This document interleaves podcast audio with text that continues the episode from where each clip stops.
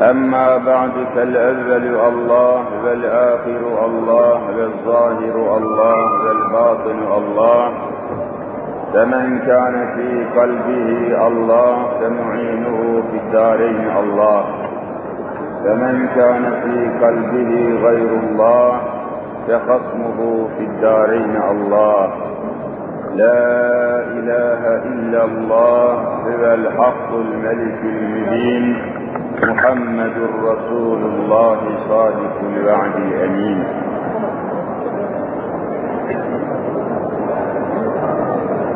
Aziz müminler, şerefli Müslümanlar,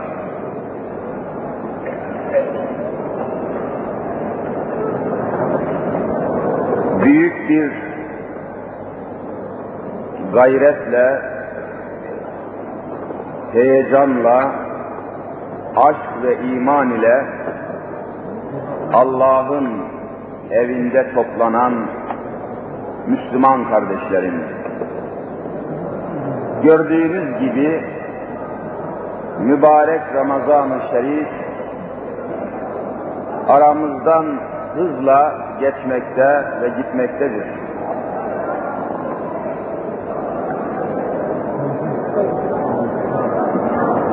Kapılarda çok kalabalık var.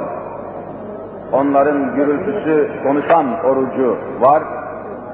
Ramazan orucuyla mükellef olan Müslümanlar var, insanlar var. Bu üçlü manzara içerisinde Kur'an'dan kaynaklanan mevzularımızı arz etmeye devam edelim. Aziz müminler, Kur'an-ı Kerim'de Hazreti Allah Celle Celaluhu bütün insanlara hitaben şöyle buyuruyor. Ya eyyühen nas اعبدوا ربكم الذي خلقكم والذين من قبلكم لعلكم تتقون Ey insanlar! Sizi yoktan yaratan Rabbinize ibadet ediniz. Sizi yaratan Allah'a, sizi halkı icat eden Allah'a, sizi yoktan yaratan Allah'a ibadet ediniz Sadece sizi değil, vellezine min kablikum, sizden evvelkileri de yaratan Allah'a. Ne kadar geriye giderseniz gidin, hepsini de yaratan Allah'a ibadet ediniz. لَعَلَّكُمْ تَتَّكُونَ Belki umulur ki, ihtimal ki, böylece Allah'ın azabından, yeryüzündeki musibetlerden ve ahiretteki ilahi azaptan korunmuş olasınız. İhtimal ki korunmanın tedbirini almış olasınız. Çalışmayacak mı?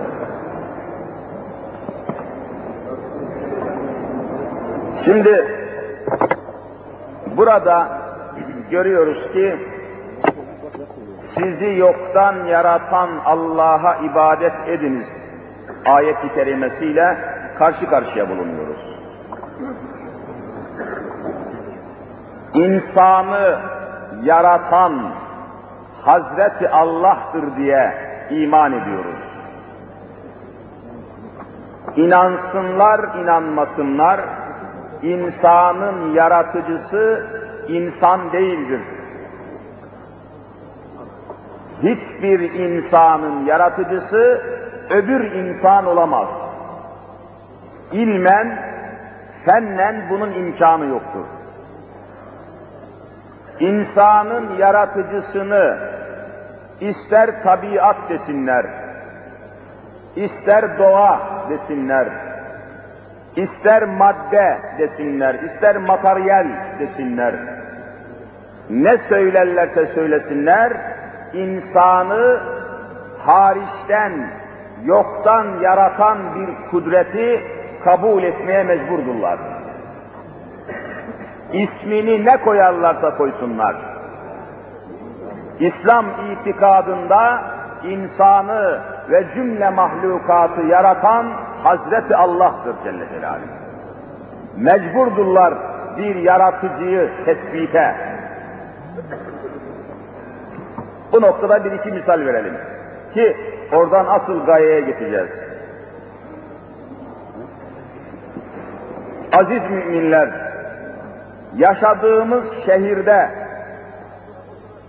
nasıl ki evlere, apartmanlara su dağıtan, musluklara suyu getiren bir şebeke vardır. Bir su şebekesi evlerinize, meskenlerinize su dağıtımını temin eden su şebekesi olduğu gibi insanın da üzerinde tepeden tırnağa insanın vücudunun her tarafına kan götüren, kan dolaşımlarını temin eden kan damarları vardır. Gözle görülen bir hadise. İnsanın bütün vücudunu çepeçevre kan damarları sarmıştır. Şimdi bu manzarayı gören insan düşünecek, ey insan, oturduğun evlere, katlara, oturduğun binalara suyu gönderen bir su şebekesi var. Bu su şebekesini yapan bir mühendis var, bir müteahhit var. Kendi kendine evlere su döşenmez, katlara su çıkmaz. Bu su şebekesini döşeyen bir mühendis, bir eleman, bir teknisyen olduğu gibi ey insan senin vücuduna da senin bünyene de kan damarlarını döşeyen bir Hazreti Allah var. Celle Celaluhu. Şehirlerde telefon ve telgraf haberleşmesini temin eden telefon şebekesi, telgraf şebekesi vardır. Haberleşmek isteyenler bu sistemle haberleşirler. Bu telefon ve telgraf sistemini yapan bir mühendis, bir teknik eleman olduğu gibi ey insan senin de vücudunda her türlü acıyı, sızıyı anında beyin merkezine haber veren ve oradan vücudun her tarafına kumanda eden bir sinir sistemi var. Sinir sistemi, parmak uçlarından vücudunun her tarafına kadar sinir sistemleri var. O halde bir şehirde telgraf ve telefon sistemini kuran bir mühendis olduğu gibi, bir eleman olduğu gibi senin de vücudunda sinir sistemlerini tesis eden ve parmağının ucundaki bir ağrıyı derhal sana haber verip oradan korunmanı temin eden bu muhabere sistemini kuran bir Hazreti Allah vardır. Celle Celaluhu.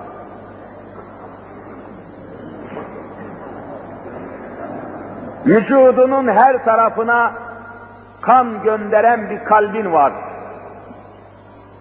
Vücudunun her tarafına kan gönderiyor. Bir kalp var.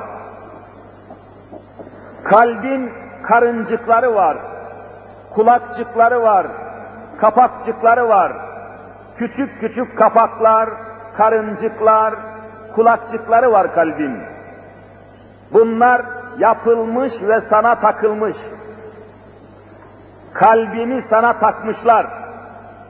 Şimdi sıra geldi bu kalbi hareket ettirmeye. Kulakçı, karıncı, kapakçıklarıyla yumruk büyüklüğündeki bu kalbinizi size taktılar.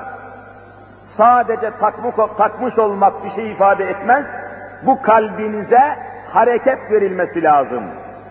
Hareket böyle pompa gibi çalışan kalbe ilk hareketi vermek lazım. Mesela bir kamyon motorunu evvela marş motoru çalıştırıyor biliyorsunuz.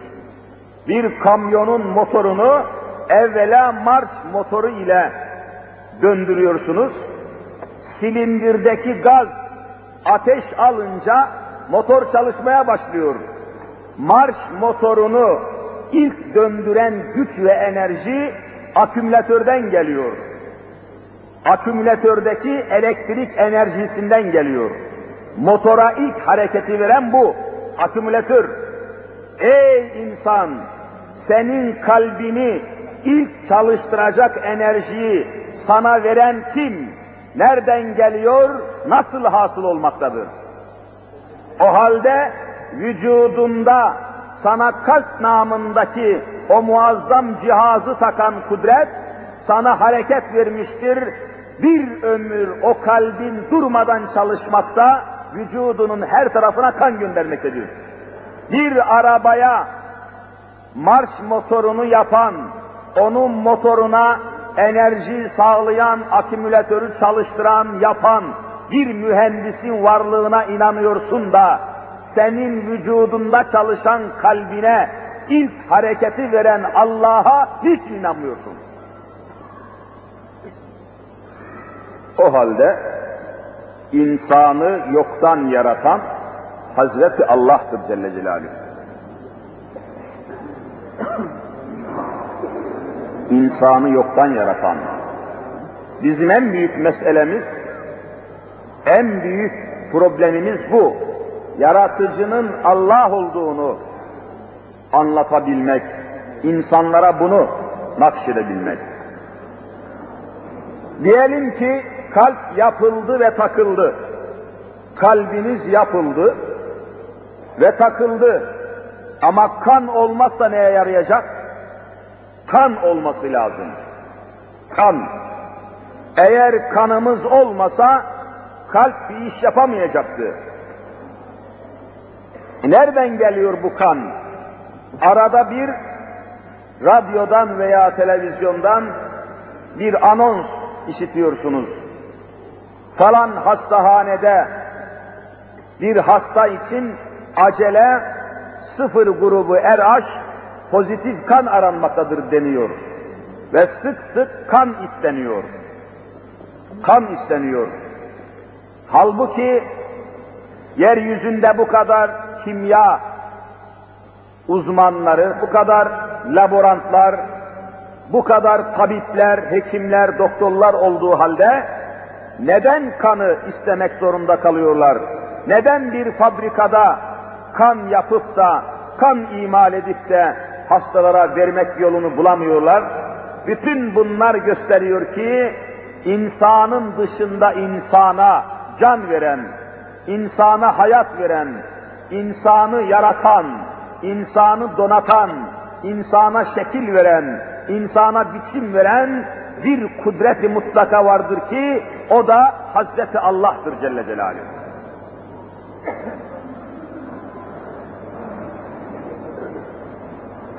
İnsan dünyaya gelir gelmez hava almak ihtiyacıyla karşı karşıya geliyor.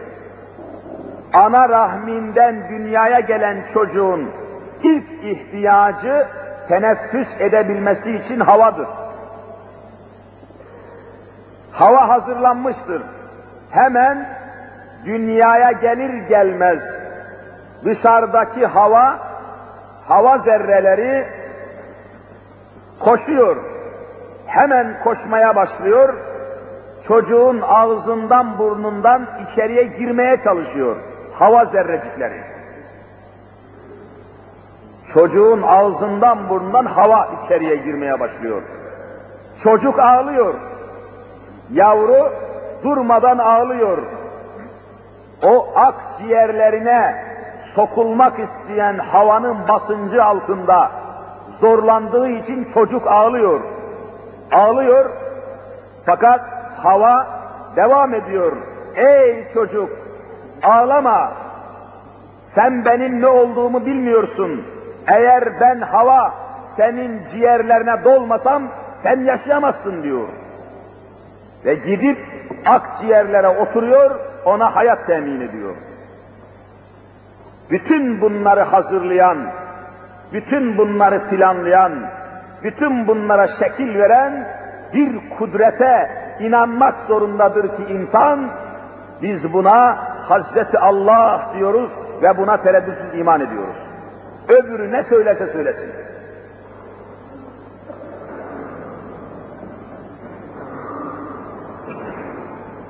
Ciğerlere giden hava, hava keselerine gidip oturuyor. Hava keseleri var, kesecikler. Hava keselerine gidip oturuyor, oradan hücrelere taksim olunuyor. Hava zerreleri hücrelere taksim oluyor.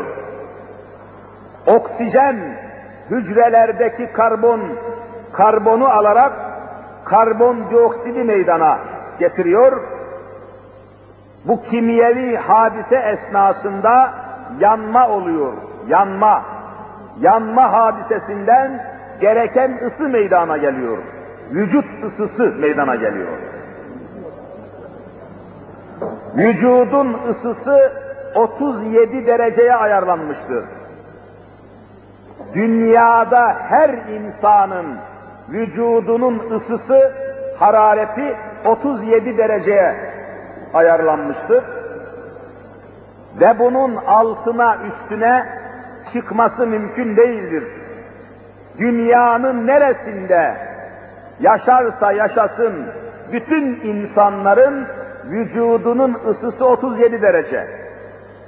İster kuzey kutuplarda yaşayan, buzların, kar yığınlarının altında yaşayan Eskimolar olsun, isterse ekvator sıcaklarında 40 derece, 50 derece hararetin altında yaşayan insanlar olsun.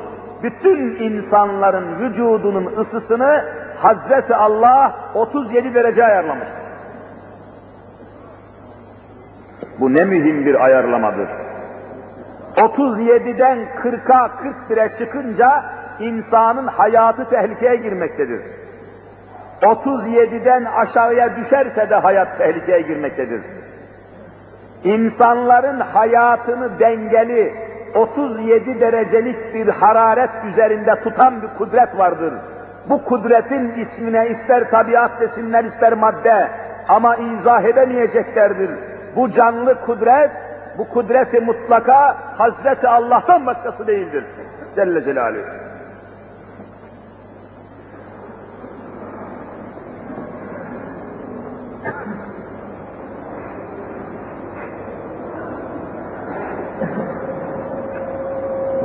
Bu sadece insanlar için değil, bütün canlı mahlukat için böyledir.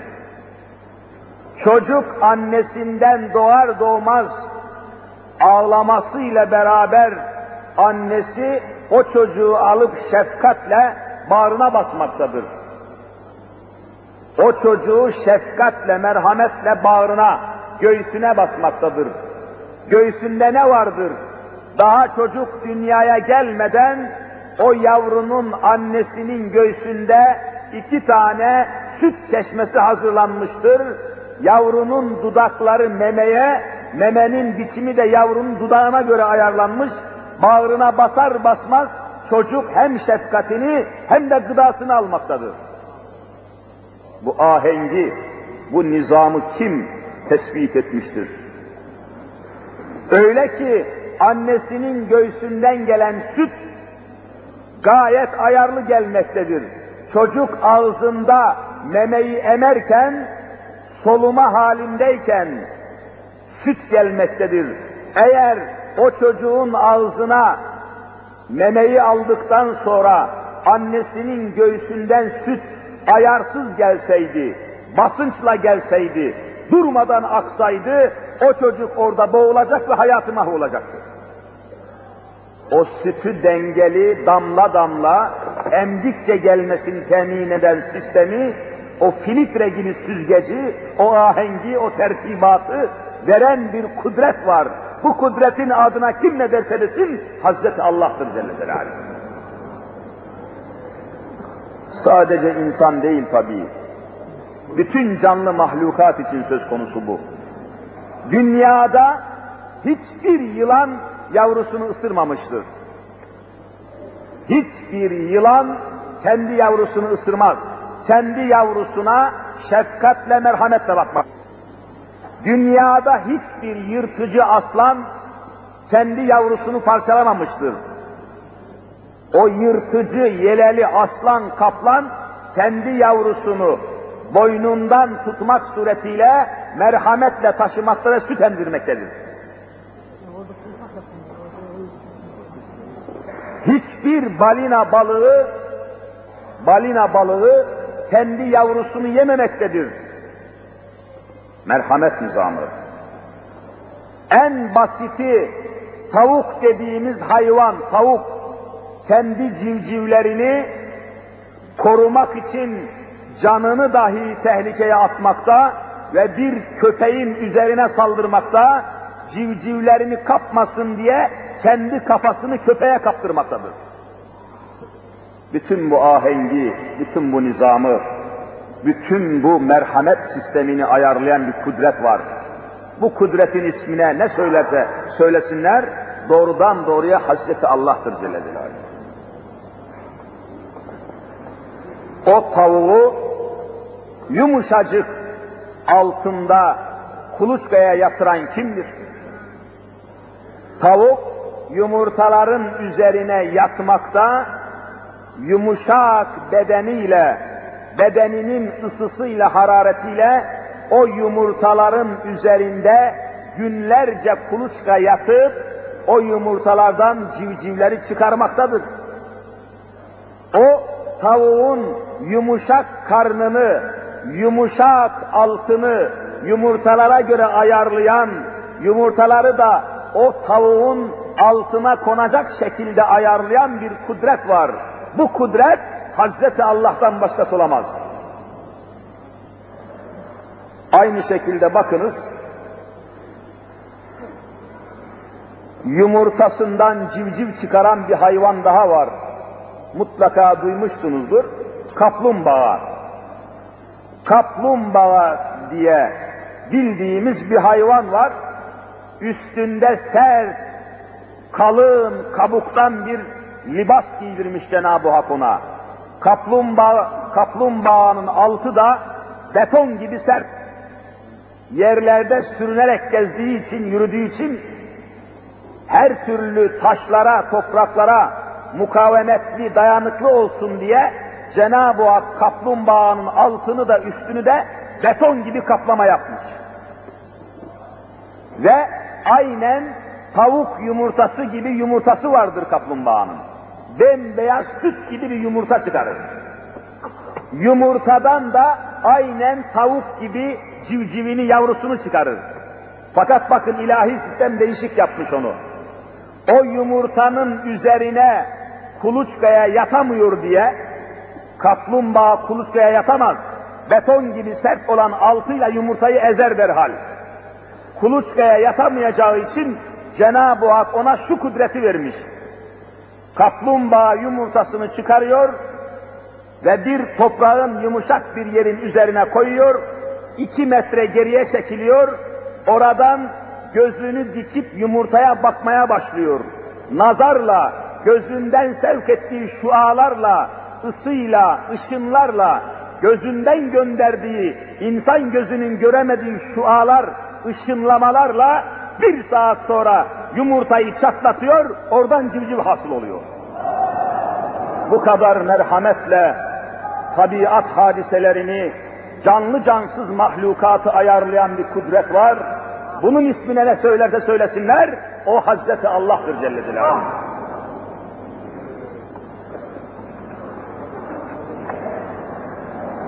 Hayata hakim olan bir kudreti anlatmak istiyoruz İnsanın da hayatına hakim olan bir kudret var, kainatın da hayatına hakim olan bir kudret var. Nedir bu? İşte bunu Kur'an-ı Kerim şöyle ifade ediyor. وَالشَّمْسَ وَالْقَمَرَ وَالنُّجُومَ مُسَخَّرَاتٍ بِاَمْرِ Güneş, ay ve bütün yıldızlar, gezegenler, felekler hepsi birden Allah'ın emrine boyun eğmişlerdir. Müsahharatin bi emrihi. Allah'ın emrine, Allah'ın hükmüne boyun eğmişlerdir. Oradan hasıl olmaktadır. Güneşin kendi etrafında dönüşü, dünyanın güneş etrafında dönmesi, yıldızların, gezegenlerin birbirine çarpmadan, dağılmadan, üst üste yığılmadan, birbirinden sonsuza kadar uzaklaşmadan, aynı ayarda ve ahenkte devam etmesinin sebebi müsahharatin bir emri, Allah'ın hükmüne ve emrine itaat etmelerinden geliyor. Ela lehül halku vel emr. Ey insanlar, ela, dikkat edin, mütenebbih olun, uyanın, araştırın, arayın, görün ki lehül halku, yaratmak Allah'ın işidir. Vel emrü, emir Allah'ın işidir. Onlar Allah'tan emir aldığı için aynı ayarı devam etmektedirler. Ey insan, Tebârekallahu Rabbül Alemin.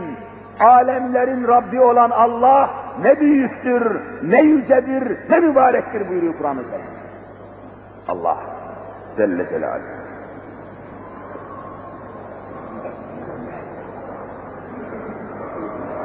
Evet, işte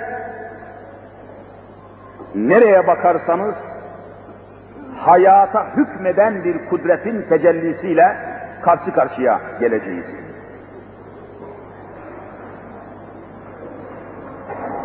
Mesela insanlar elektrik enerjisini bir ampulün içine hapsetmek suretiyle ışık yapmışlar. Elektrik enerjisini biliyorsunuz. Ampulün içine gelen elektrik enerjisi ampulün içindeki o küçücük incecik teli kızıştırmakta, fazla kızdığı, fazla sıkıştığı içinde parlamaktadır. Parlayan tellerden elektrik aydınlığı meydana gelmektedir. Fakat insanlar bunu tam başaramamışlardır. Hepiniz biliyorsunuz ki yanan bir elektrik lambası ısınır.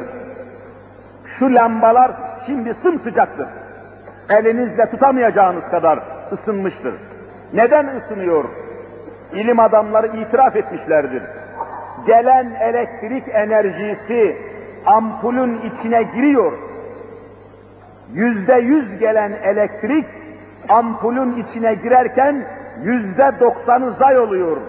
Isınmaya çıkıyor, hararete çıkıyor, yüzde onu elektrik ışığına dönüyor. Yani insanlar elektrik enerjisinden yüzde yüz ışık meydana getiremiyorlar. Yüzde doksanı ısıya, hararete ayrılıyor, israf oluyor, yüzde onu elektrik oluyor. Ve ampul bu yüzden sımsıcak oluyor. Tam elektrik yapamıyor insan. Tam ışık elde edemiyor. Elektrik enerjisinin tamamını ışığa çeviremiyor. Tamamını ışığa çeviremiyor. Yüzde onunu ışık, yüzde doksanını ısıya kaçırmak zorunda kalıyor. Fakat yeryüzündeki nizamı ilahi görmek için söylüyorum. Ateş böceği namındaki küçük kanatlı bir kelebek, kanatlı bir böcek olan, uçmakta olan bir böcek, ateş böceği ise bugün bütün ilim adamlarının tespitiyle anlaşılmıştır ki o küçücük bünyesinde o küçük ateş böceği, o kelebek bütün enerjisini kimyasal enerjisiyle elektrik enerjisi meydana getiriyor ve yaptığı elektriği yüzde yüz elektriğe çevirmek suretiyle ışık meydana getiriyor ve soğuk elektrik peydahlıyor. Eğer insanlar gibi onun da ısısı elektrik enerjisine geçerken ısıya, hararete dönseydi, bizim gibi yüzde doksanı ısınmaya, yüzde onu da ışığa dönecek olsaydı, o elektrik enerjisinin hararetinden o hayvan yanacaktı, rahatsız olacaktı. Allahu Teala ona öyle bir sistem yapmış ki, vücudundaki kimya enerjisini yüzde yüz elektriğe çeviriyor ve sıcak değil, soğuk elektrik peydahlıyor. Bunu insan bilmiyor daha dünyada.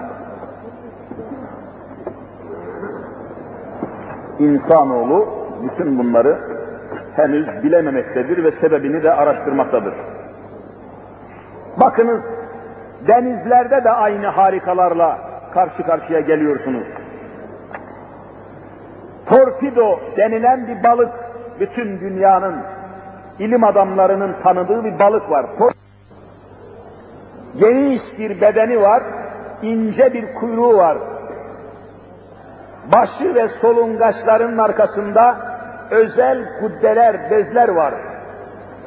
Ve balık bu bezlerden, kuddelerden elektrik yapmaktadır. Torpido balığının elektrik organlarının nasıl çalıştığını, nasıl cereyan temin ettiğini ilim adamları hala bilmiyorlar. Torpido balığı elektriğini kendisini savunmak için ve avını yakalamak için kullanıyor. Torpido balığının kafasında parıl parıl parlayan elektriğe ve o cereyana yetişkin bir adam dokunduğu zaman o adamı çarpıyor, o adam 10 dakika sersemliyor ve hareketsiz kalıyor. Balığın başında Cenab-ı Hak böyle bir elektrik sistemi hem denizin derinliklerindeki karanlığı ortadan kaldırmak hem de kendi avını yakalamak, düşmanlarına karşı savunmak için Cenab-ı Hak onun başına bir elektrodinamo, bir sistem inşa etmiş bulunuyor.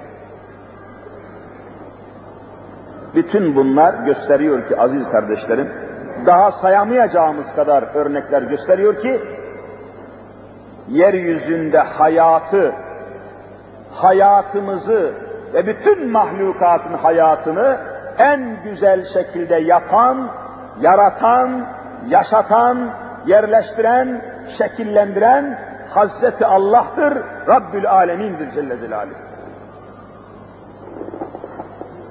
O halde aziz kardeşlerim, o halde bu manzara karşısında, bu netice karşısında insanoğlunun vazifesi nedir? İşte Kur'an öyle söylüyor. Ya eyyühen nâsu'budu rabbeküm ellezî halagakum sizi en güzel, en güzel, en mükemmel şekilde yaratan Hazreti Allah'a ibadet ediniz. Ona itaat ediniz. Onun emirlerine bağlı kalınız. Ve mutlak manada ona isyandan sakınınız, korununuz. Düşünen her insan, aklı başında olan her insan mutlaka düşünecektir. Beni hayata getiren kim? Beni hayattan götüren kim? Bana bu güzel hayatı bahşeden kim? Gözlerimi, kulaklarımı, elimi, ayağımı, kalbimi, ciğerimi, böbreğimi bana bahşeden kimdir diye her aklı başında olan insan düşünecektir. Düşünmesi lazımdır.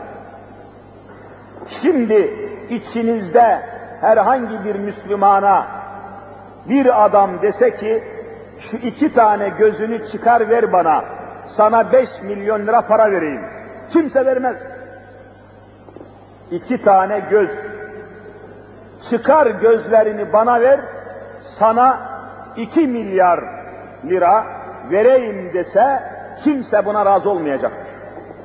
İki tane böbrek şu böbreklerini çıkar ver bana, sana şu kadar milyar lira bağışlayayım dese kimse vermeyecek.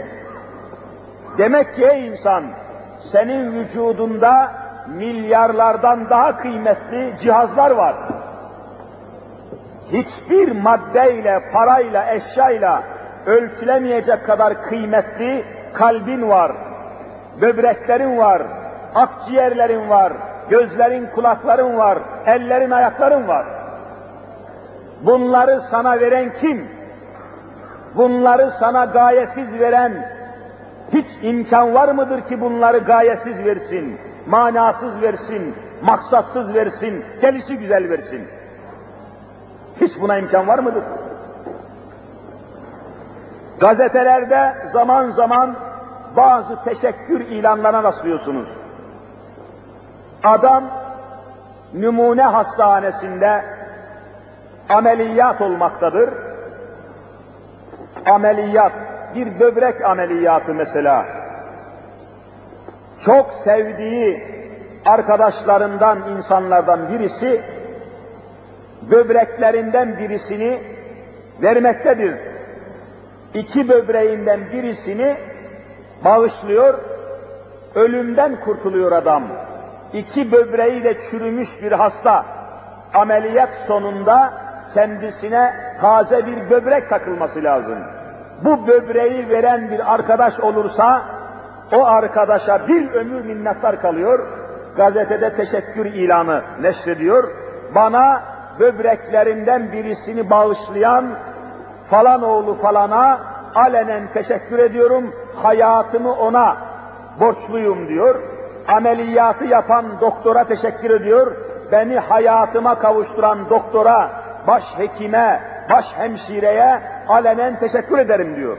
Ve bütün bunları yapıyor da hiç yoktan kendisine böbrek veren Allah'a, hiç yoktan kendisine göz veren Allah'a, kalp veren Allah'a, ciğer veren Allah'a Ramazan günü oruç tutmuyor, beş vakit namaz kılmıyor.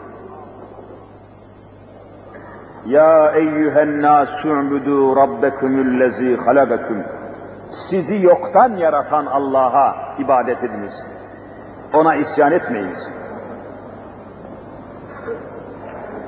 Sure-i Yasin'de de ne güzel haber verilmiş.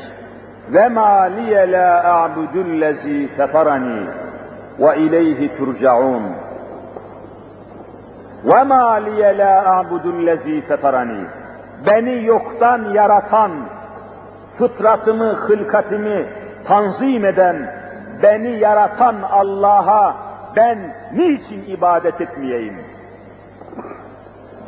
Neden insan Allah'a ibadet etmesin? Niçin Allah'a kulluk etmesinler? İnsanın kudreti nedir? İnsanı insan yaratmış değil, insanı insan yaşatmış değil, insanı hayata insanın eserleri getirmiş değil. O halde neden insanlara aldansın da, neden hayata aldansın da, eşyaya, maddeye aldansın da, insan neden Allah'a itaat etmesin? وَمَا لِيَ لَا أَعْبُدُ الَّذ۪ي فَطَرَنِي وَاِلَيْهِ تُرْجَعُونَ En sonunda Allah'a teslim olacaklar. En sonunda Allah'a teslimiyet zorundadırlar. Dünyadan gitmeye, götmeye mecburdurlar şeklinde Kur'an-ı Mübin her insanı düşündürecek bir hakikati haber veriyor. O halde kendisini yaratan Allah'a ibadet etmeyen insanın Allah'ın kitabında karşılığı nedir? Aziz müminler, bu noktaya gelmişken bir mesele üzerinde biraz daha etraflı durmaya çalışalım. Anarşi diye bir şey var. Uzun zamandır anarşi, anarşi, anarşi. Anarşi hadiselerini meydana getiren insana da anarşist, anarşist diyorlar. Anarşist. Yani anarşiyi yapan, işleyen adam. Biz anarşist deyince sadece silahla, bombayla öldüren, yıkan, kıran, döken diye anlamaya çalışıyoruz. Hayır. İslam itikadına göre kendisini yoktan yaratan Hazreti Allah'a ibadet etmeyen, namaz kılmayan, oruç tutmayan her insan Hazreti Kur'an'a göre anarşisttir. Ne demek anarşi? Allah'ın emirlerinden ve hükümlerinden ayrılmak ve isyan etmek demek. Meseleye bakınız Kur'an-ı Kerim hangi açıdan bakıyor? Mesela demin dedim ki ve şemse vel kamera ve nucume müsakharatin bir emri. Güneş, ay, gezegenler, yıldızlar Allah'ın emrine itaat ettikleri için ahengini devam ettiriyorlar. Eğer güneş yörüngesinden çıksa, dünya Allah'ın çizdiği yörüngeden çıksa anarşist olur. Güneş yörüngesinden çıkınca ne olur? Patlar, her tarafa çarpar ve bütün insan hayatının alt üstüne gelir.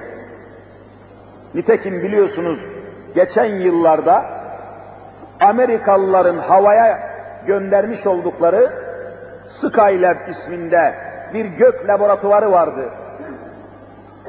Fezaya gönderdikleri bir laboratuvar. Gök laboratuvarı diyorlardı. İngilizcesi Skylab.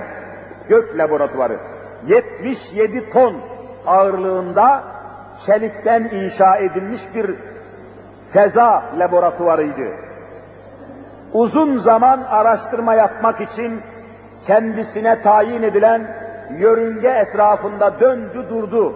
En sonunda arıza yaptı, yörüngesinden çıktı feza laboratuvarı. Yörüngesinden çıktı, bunun üzerine bütün dünya korkuya düştü. Eyvah şimdi düşecek. Düşerken nasıl düşecek, nereye düşecek?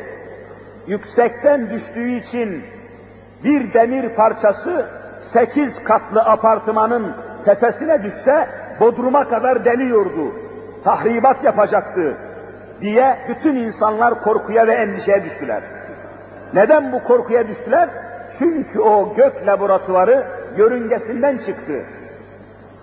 Kendisine tayin olunan çizgiden çıktı. Yani anarşiye kaydı. Anarşist oldu.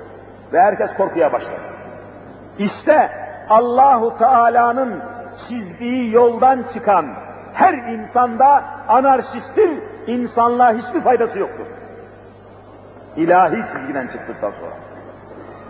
İnsanlar için çizilen çizgi ibadet çizgisidir. Allah'a ibadet çizgisi. Bu çizgiden çıktı da beş vakit namazı terk etti mi? ibadetlerden ayrıldı mı? Allah'a kulluk borcunun dışına çıktı mı? O insan anarşist. İsyan halindedir. Allah'a isyan etmiştir ve bütün hayatı heder olmaktadır.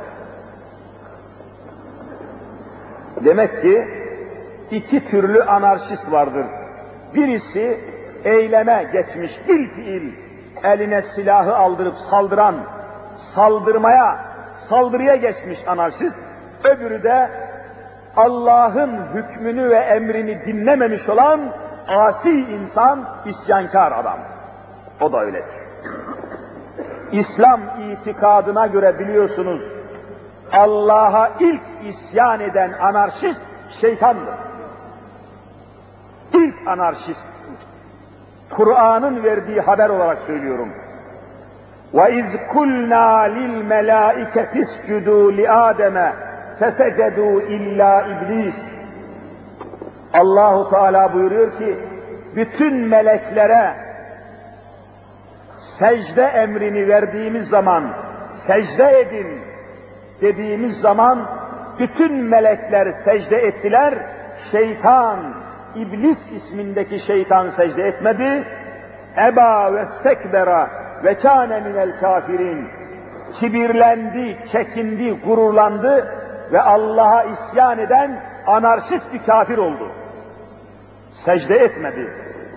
Bu ayet-i kerimenin hükmüne göre namaz kılmayan, Allah'a secde etmeyen bütün insanlar anarşisttir.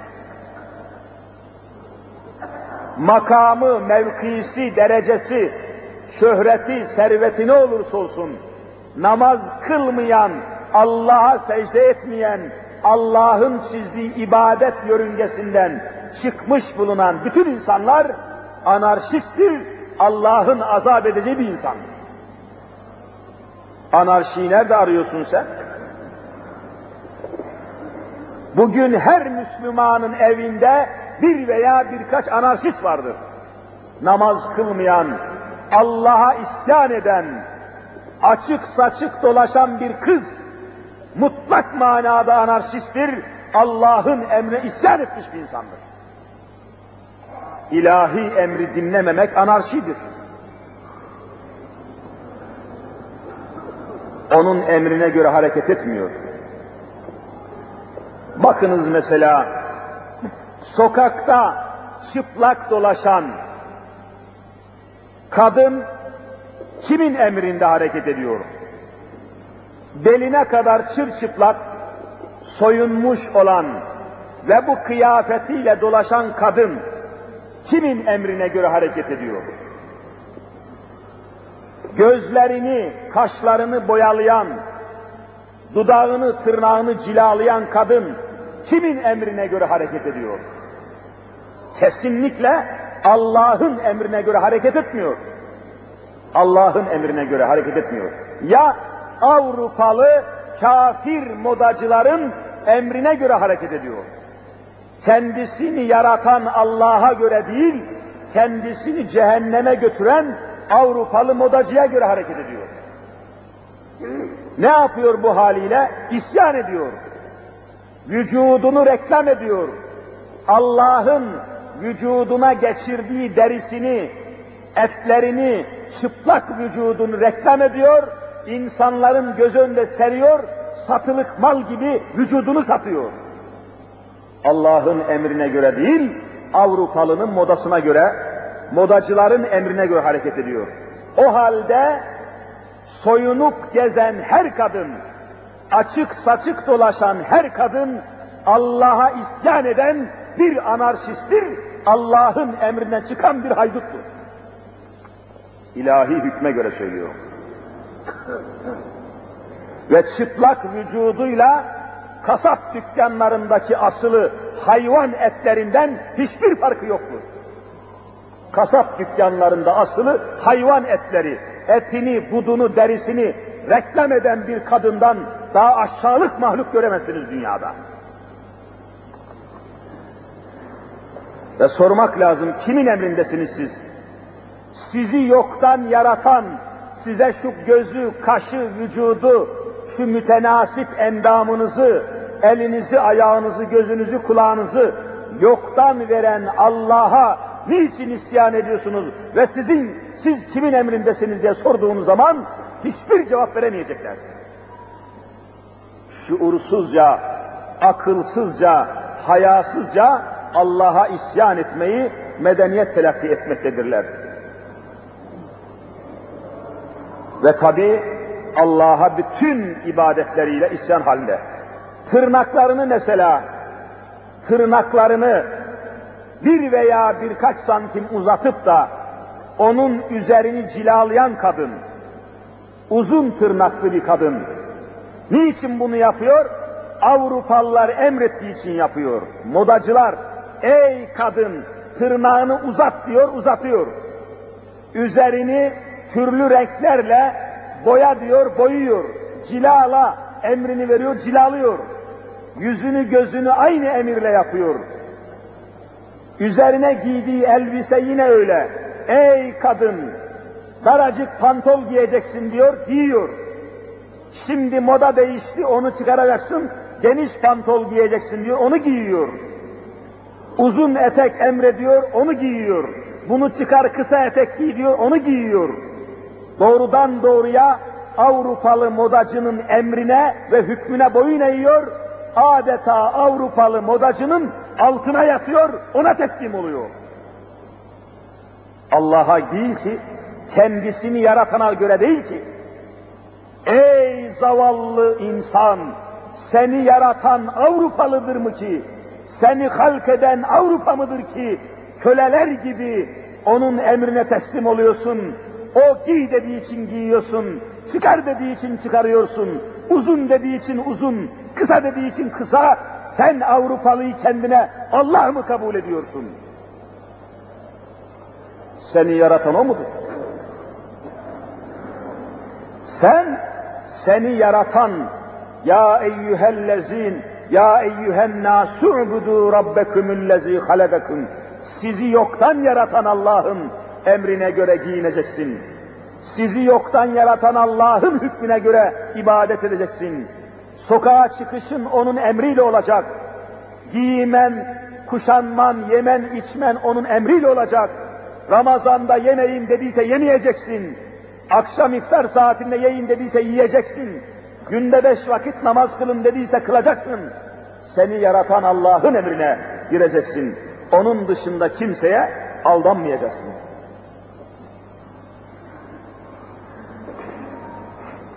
Evet.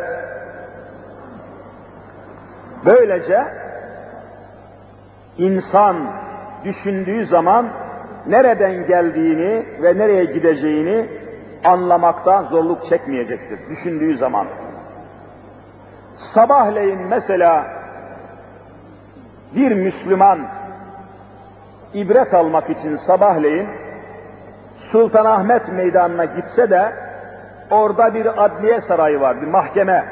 Büyük bir bina, adliye sarayı diyorlar.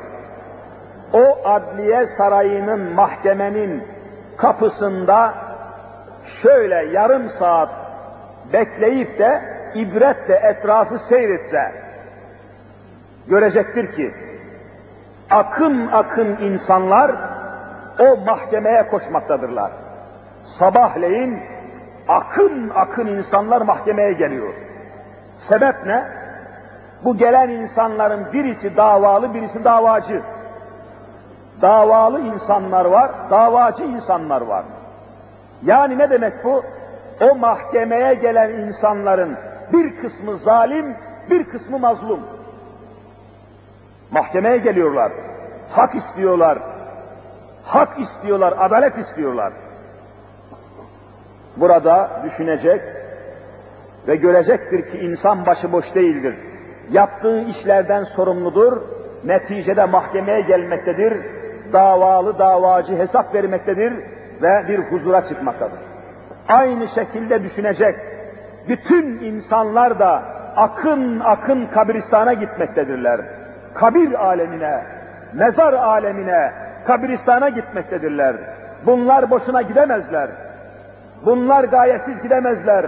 Demek ki kabristana taşınanlar mahşer sabahı kabrinden dirilecek, mahkemeyi kübraya gelecekler. Zalim ile mazlum mahkemeyi kübrada Allah'tan adalet isteyeceklerdir. Kimse boşa gitmiyor. Kimsenin hayatı boşuna akmıyor. Kimse hayatını boşuna aktığını iddia edemez. Allahu Teala milyarlarca parayla bile satın alınmayan gözü boşuna vermemiştir. Milyarlarca lirayla anlamayan kalbi boşuna takmamıştır. Hesap verecek. Öyle değil mi kardeşlerim? Evinizde elektrik kullanıyorsunuz. Evinizde su kullanıyorsunuz, su. Belediye evinize elektriği bağlamadan, suyu bağlamadan önce ne yapmıştır? Bir elektrik saati, bir de su saati bağlamıştır. Su saati. Önce saat bağlanıyor, sonra elektrik veriliyor. Önce saat bağlanıyor, su sayacı, sonra suyunuzu alıyorsunuz. Neden? Akıttığınız suyu boşuna akıtmayasınız. Hesap veresiniz diye. Ne kadar su akıttığınızı, ne kadar elektrik kullandığınızı o saatler yazıyor, tahsildar memur geliyor, tahsil memuru o saatin tespit ettiği rakamı okuyup sizden hesap istiyor. Aynı şekilde size kalbinizi takan Allah, gözünüzü takan Allah, elinizi ayağınızı takan Allah, vazifeli meleklerle ne yaptığınızı vallahi tespit ediyor. Mahkemeyi kübraya çıkacaksınız. Kimse başıboş dolaşmasın dünyada. Kimse gayesiz olduğunu iddia etmesin, mutlak manada hesap vereceklerdir. O halde aziz müminler, hayatımızı neye göre ayarlayacağız? Geçen dersimizde bir parça izah ettim, fakat bitmedi tabi. Bugün de meseleye giriş yapmak için bu açıklamayı yaptım. Hayatımızı neye göre ayarlayacağız? Mesela altın madenini, altın madeni, yerin derinliklerinde bulunan bir maden altın. Bu altın kaç ayardır? Altının ayarını 24 ayar mı, 14 ayar mı, 12 ayar mı, 8 ayar mı neyse altının ayarını anlamak için mutlaka bir ölçü olması lazım. Altının ayarını tespit eden bir ölçü. Nedir bu? Kuyumculara sorarsanız mihek taşıdır diyorlar. Mihek taşı. Hangi altını götürürseniz götürün kuyumcu, o sizin altınınızı mihek taşına göre ayarlıyor, sürtüyor ve mihek taşı altının kaç ayar olduğunu haber veriyor. Gidip bir tüccardan kumaş alacağınız zaman kumaş rastgele size kumaş kesmiyor. Uzunluk ölçüsü olan metreyi alıyor, bir metre ölçüyor ve size ölçüyle kumaş veriyor. Ölçüsüz verilmez. Bir seyyar satıcıdan bir kilo portakal alacağınız zaman rastgele vermiyor, bir ölçü kullanıyor. Size bir kilogram koyuyor, terazide o kilograma göre portakalı ayarlayıp veriyor. E şimdi bir seyyar satıcı sana bir kilo portakal verirken ölçüsüz vermiyor, bir ölçü koyuyor da bir kumaşçı bir metre size kumaş verirken metreyi kullanıyor, ölçüyle veriyor da Allah size bu hayatı verirken, insan hayatını verirken bu hayatınızı nasıl kullanacağınızı göstermek için bir ölçü vermemiş midir? Vermiştir. O ölçünün adı Hazreti Kur'an'dır, Hazreti Muhammed Mustafa'dır. Buna göre kullanacaksınız. Kur'an-ı Kerim'e göre hayatınızı ölçeceksiniz, biçeceksiniz. Hayatınızı Kur'an'a ayarlayacaksınız. O halde Allah nasip ederse haftaya hayatımızı Hazreti Kur'an'a nasıl ayarlamalıyız mevzuundaki dersimizi yapmak üzere haftaya tekrar buluşmak niyetiyle Ya Rabbi günahlarımızı affeyle. Ya Rabbi kusurlarımızı mağfiret eyle. Ya Rabbi huzurundayız. Bizi kulluğuna kabul eyle. Ya Rabbi uzaktan yakından koşup gelen genç ihtiyar kadın erkek şu Müslüman kardeşlerimi ve bu konuşmaları çeşitli vasıtalarla uzakta ve yakında dinleyen kardeşlerimi rızana, rahmetine, cennetine ve cemaline mazhar eyle ya Rabbi. Her nefesimizde kelime-i şehadetti. Aşk ile buyurun. Eşhedü en la ve eşhedü enne Muhammeden abdühü ve rasulü diyerek bu imanla, bu ikrarla hayatımızı Kur'an-ı Kerim'e uydurarak cennetine cümlemizi layık eyle ya Rabbi. El açıp amin diyen kardeşlerimi iki cihanda aziz eyle ya Rabbi. Nefis ve nesillerimizi ıslah eyle ya Rabbi.